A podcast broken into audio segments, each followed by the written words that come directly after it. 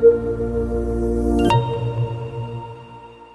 Kıymetli dostlar hepinize merhabalar. Yeni bir Kur'an meali ve müzakeresi programında da sizlerle birlikteyiz. Esat Bey her zaman olduğu gibi programda bizlerle birlikte. Nasılsınız Esat Bey? İyiyiz abi çok şükür siz nasılsınız? Elhamdülillah biz de iyiyiz. Allah razı olsun. Bu programda Duha suresinin son bölümünü çekeceğiz inşallah. Duha suresini bitirmiş olacağız. Daha önce Yasin suresini ve Fetih suresini tamamlamıştık. Bu da tamamladığımız üçüncü sure olacak. Biraz ilk çektiğimiz surelere göre kısa bir sure tabii ama yine de bir surenin tamamını açıklamalı bir biçimde okumak, müzakeresini yapmak insana iyi hissettiriyor. Sözü daha fazla uzatmadan bugün mealini okuyup müzakeresini yapacağımız ayet-i kerimelere geçelim. Ee, en son kaldığımız noktada abi Cenab-ı Allah'ın Peygamber Efendimiz Aleyhisselatü Vesselam'a bazı sorular yönelttiğini görmüştük. O seni yetim bulup barındırmadı mı? Şaşırmış bulup da yol göstermedi mi? Seni fakir bulup zengin etmedi mi? Gibi bazı sorular vardı.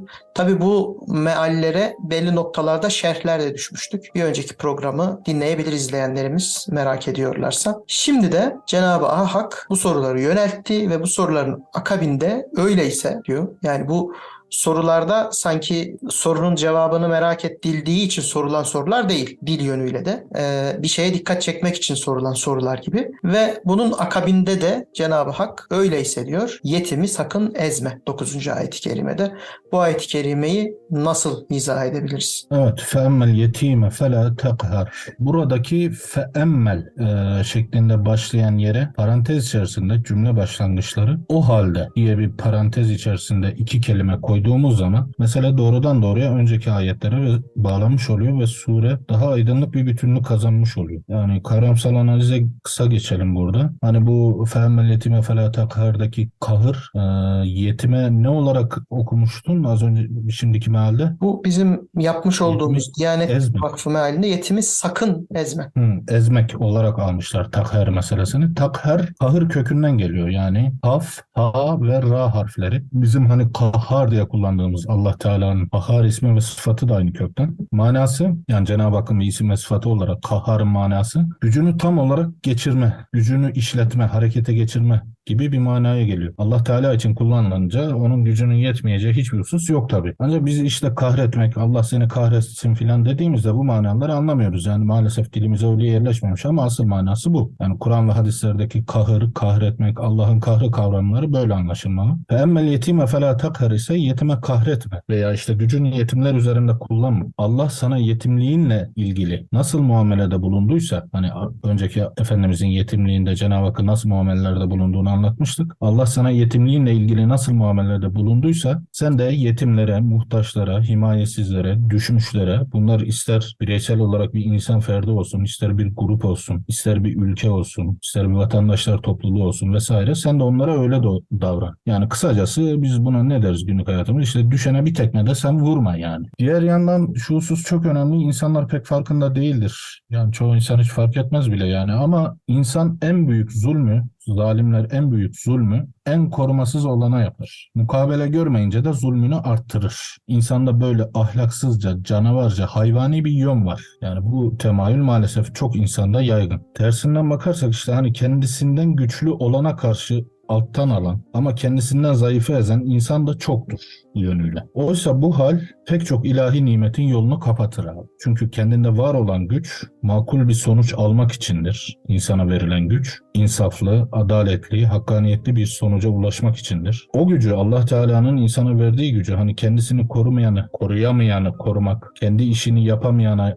yardım ederek onun işini yapmak vesaire için de verilmiştir yani. İnsanların en hayırlısı insanlara faydalı olandır. Hikmet açısından bakılınca insandaki güç herhangi bir şey yapabilme gücü. Bu ister bilgisiyle olsun, ister el becerisiyle olsun, ister teknik bilgisiyle ister mal varlığıyla olsun, ister birinin evinin akan çatısını tamir etmek olsun, ister bir doktorun bir hastayı tedavi etmesi olsun, ister bir zenginin böyle 50-60 tane fakir öğrenciye burs vermesi olsun. İster Kur'an bilen birisinin Kur'an öğrenmesi, öğrenmek isteyen birisine Kur'an öğretmesi olsun. Yapabilenlerdeki güç konu itibariyle o şeyi yapamayanlara yardımcı olmak için verilmiştir insanlık. Hikmet bakımından bu iş böyle. Yani malumunuz kas dediğimiz şey kendi başına varken bir kas değildir yani bir işe yaramaz o. Hareketiyle ortaya bir şey koyarsa bir işe yarayacaktır. Ama bunu işte diğer taraftan yapmak, doğru bir şekilde yapmak, insana veriliş gayesi meselesine uygun bir şekilde yapmak önemli. Bunu negatifte kullanma, pozitifte kullan gibi bir manaya da gelir bu. Yani Cenab-ı Hakk'ın sana verdiği kahır potansiyelini yani gücünü kullanma, harekete geçirme, bir şeyler yapma potansiyelini Allah'ın razı olacağı işlerde kullan demek.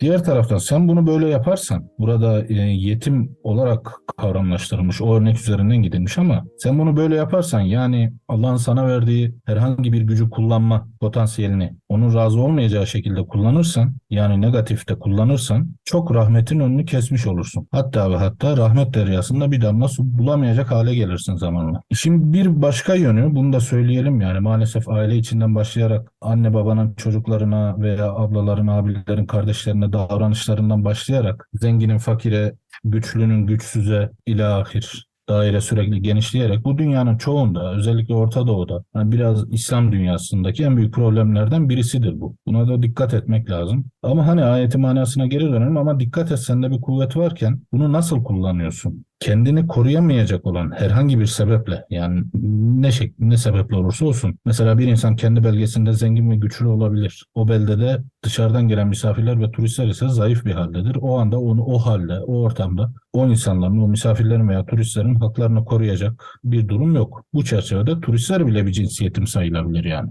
E bu durumda ev sahiplerine bir kahretme imkanı doğar. Hem de burada bir cins mala bir işaret var. Yani diğeri de bu kahr asıl esas olarak tasarrufta bulunma demek. Hüküm altına almak demek. Yetimin malına el koyma dediğimiz zaman hani bu manaya da geldiğini de düşünebiliriz. Veya işte miras hukukunun veya polisin emniyetin olmadığı bir yerde veya işte hukukun uygulanmadığı, hukukun üstünlüğünün olmadığı bir yerde böylesi meseleler özellikle miras mevzuları çok ciddi ve büyük problemlerden birisiydi. Yani nihayetinde düşünün unutmayın ki Hz. Musa Aleyhisselam kısasında geçen üç vakanın birisi olarak da hani bir babanın yetimlere bıraktığı malın korunması mevzusu vardı. Yetim malına ancak iyilikle yaklaşın gibi. İşte yetimlerle ilgili çok fazla ayet var. Yine dönelim bir malla, birikimle, maddi imkanlarla alakalı bu noktalar var. Ama olay tabii ki maldan, mülkten, maddi birikimden ibaret değil. Hani ona da işaret var ama esas mevzu sen sendeki kuvvetle nasıl bir kuvvet olduğu fark etmez. Bir insanla bir araba arabanın olması da bir kudret. Arabası olmayanlara karşı bir cins daha kudretlidir denilebilir. Veyahut işte bir insan yabancı dil bilen birisinin mesela yabancı dil bilmeyen birisine göre daha kudretlidir denilebilir. Yani bu sahip olunan kudretleri sonuçta Allah Teala'nın bu sahip olan kişilere verme hikmetine, verme amacına uygun kullanılması çok önemli. Yani bunlar mütekabiliyet denilebilir bir cins belki. Mesela işte Kasas 77'de bir ayet var. Allah'ın sana ihsanda bulunduğu gibi sen de ihsanda bulun. Ya bu karşılıklı ilkesi her yerde geçerli. Önceki ayetlerde Cenab-ı Hakk'ın Efendimizin yetimliğinde Allah Efendimiz'e nasıl davranıyorsa Efendimizin de diğer insanlara mesela yetimlere öyle davranmasını istiyor. Mantık çok basit aslında. Yetimler özeline gelirsek pek çok te- tefsirde mevzu sadece yetimler olarak anlaşılmış. Yetimler meselesine indirgenmiş. Çok dar bir bakış açısı bunu söyleyelim. Mevzuyu sadece yetimlerden, yetimlikten ibaret yani kavramsal olarak yetimlerden, yetimlikten ibaret ele almak meseleyi darlaştırmak olacaktır. Muhtaç bir halde durun, bulunma. O hani bireysel ilişkiler açısından güç dengeleri diyeceğim. Bu daha çok hani diplomasi açısından kullanılır da bu kavram biz alalım. Bireyler arası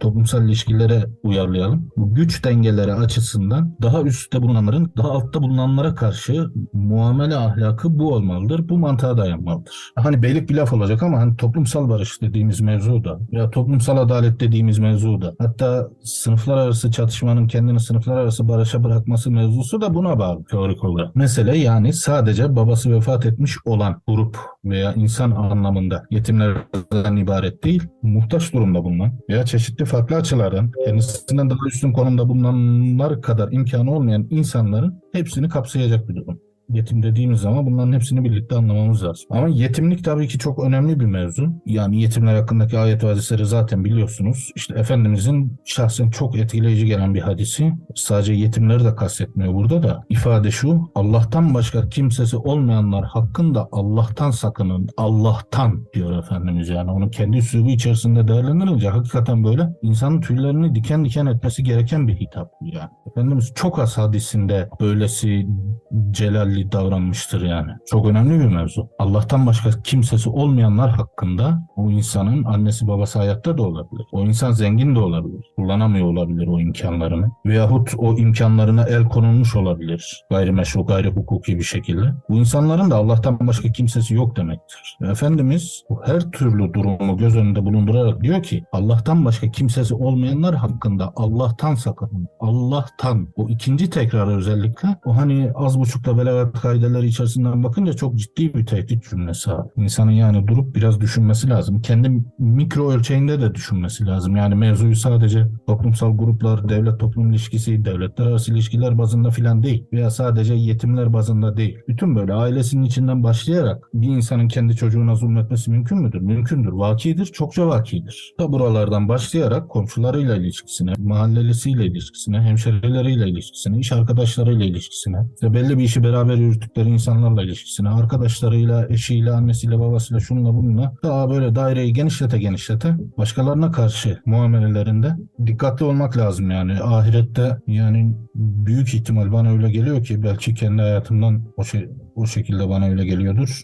Allah çektirmesin ama ne, ne çekeceksek büyük ihtimal buradan çekeceğiz. Allah çektirmesin. Amin abi. Allah razı olsun. Hmm. Hakikaten gariplik. Ayrı bir his. Bu sizin bahsettiğinize benzer şekilde mezarlıklarda dua okunurken hani denilir ya belki bir mezar taşı bile kalmamış. Dünyada kendilerine bir Fatiha gönderecek kimseleri kalmamış. Bize yok mu diye seslenen tüm müminlerin de ruhlarına hediye eyledik. Sen kabul eyle ya Rabbi diye. Evet. O kısım da beni çok üzer mesela. Evet. İnsan gerçekten kendini hüzünlü hissediyor. Hele bir empatik yapmaya çalıştığı zaman aynı duruma kendisinin de bundan belki 50 sene, belki 100 sene, belki 150 sene sonra düşeceğini hatırladığı zaman insanı daha da insanın daha da içini titreten bir şeye dönüşüyor. 150 sene sonra filan değil abi yani torunun seni Ne kadar hatırlar değil mi abi? ne kadar hatırlar? Torununun çocuğu hiç hatırlamaz. Yani 3 2 nesil. Evet, Benden sonraki 2 nesil seni hatırlarsa hatırlar. evet. Yani babanın belki- dedesini hatırlıyor musun? Şey ol- olur, nedir o? Bu Kur'an Time yayınları falan 50 sene 100 sene sonrasına kalırsa orada dinleyenler belki Allah razı olsun falan derler. Oradan kurtaramaz mıyız? İnşallah yani Cenab-ı Hak bu yapılanları bir sadaka-i cariye olarak kabul Amin. buyurursa vallahi çok Amin. büyük bahtiyarlık olur. Tabii ben biraz e, işin Rahmeti geniş. şa- şakası olarak da söyledim ama Cenab-ı Allah'ın lütfu, hazinesi geniştir dediğiniz gibi. Böyle bir şey lütuf buyurursa da çok mutlu Evet. oluruz, çok memnun oluruz elbette. Evet, teşekkür ediyoruz açıklamalarınız için ve bir sonraki ayet-i kerimeye geçelim. El açıp isteyeni de sakın azarlama diyor Cenab-ı Allah. Burada insanın aklına ilk okuyuşta şöyle bir soru gelebiliyor. Ya Peygamber Efendimiz sallallahu aleyhi ve sellem zaten yetimi ezmez ki. Zaten Evet. el açıp isteyeni azarlamaz ki. Acaba bu ayet-i kerimelerin Efendimiz aleyhissalatu vesselama yönelik bu hitapların sebebi hikmeti ne ola diye bir soru. Özellikle Peygamber Efendimiz'i çok sevmemizden de kaynaklı olarak duygusal manada aklımıza gelebiliyor. Buna nasıl bir yanıt verebiliriz? Size soralım. Estağfurullah yani burada basit bir kızım sana söylüyorum gelinim sen anla mevzusu söz konusu. Evet. Bir ikincisi dessus. Cenab-ı Hak doğrudan doğruya bize hitap edecek değil yani biz kimiz? İkincisi de ikinci manayı kaçırmış oldum. Şöyle farklı açıklamaları da vardı yani Efendimiz elbette yetimi incitecek değil fakat zaten az önceki açıklayıp durduğumuz şeylerden anlaşılması gerektiği üzere de mevzu sadece yetimleri ezmek filan değil yani. O, o Kur'an'ın Kur'an'la tefsiri yönteminde konuyla ilgili bütün ayetleri bir arada değerlendirmek mevzusu vardır ya. Efendimiz bunu çok iyi anlıyordur. Yüzde yüz, yüzde bir milyon neyse. Cenab-ı Hakk'ın kendisini ahlaki açıdan nasıl terakki ettirdiğini de anlamış oluyor böylece yani bir yönüyle. Mesela buradaki az önce bahsettiğimiz bu mütekabiliyet mevzusu. Allah sana nasıl davrandıysa, sana nasıl muamelede bulunduysa sen de insanlara öyle davran. Bir gün böyle Hazreti Ebu Bekir Efendimizin sadece simasına bakarak çok acayip bir tablo yani o. Hayran hayran bakıyor böyle neler ne çağrışımlar yaptıysa zihninde sadece simasına bakarak böyle bir hayranlık duygusu gelişiyor anlık olarak. Buna diyor ki ya Resulallah diyor seni diyor kim edeplendirir? Yani Efendimizin oturması, kalkması, konuşması, insanlara muamelesi baştan sona güzel ahlaktır abi. En güzel ahlakı tamamlamak için gönderildim diyor ya Hazreti Enes veya Hazreti Zeyd miydi? Karıştırıyorum şimdi af buyurun. O yanında küçük yaşından beri hizmetçisi tırnak içerisinde hizmetçisi yar- yardımcısı her neyse. O bulunan o çocukluk yaşından beri bana diyor bir kere bile sesini yükseltmedi diyor ya. Bir kere bile. Yani bu çok insanüstü bir ahlak gibi geliyor bana ya.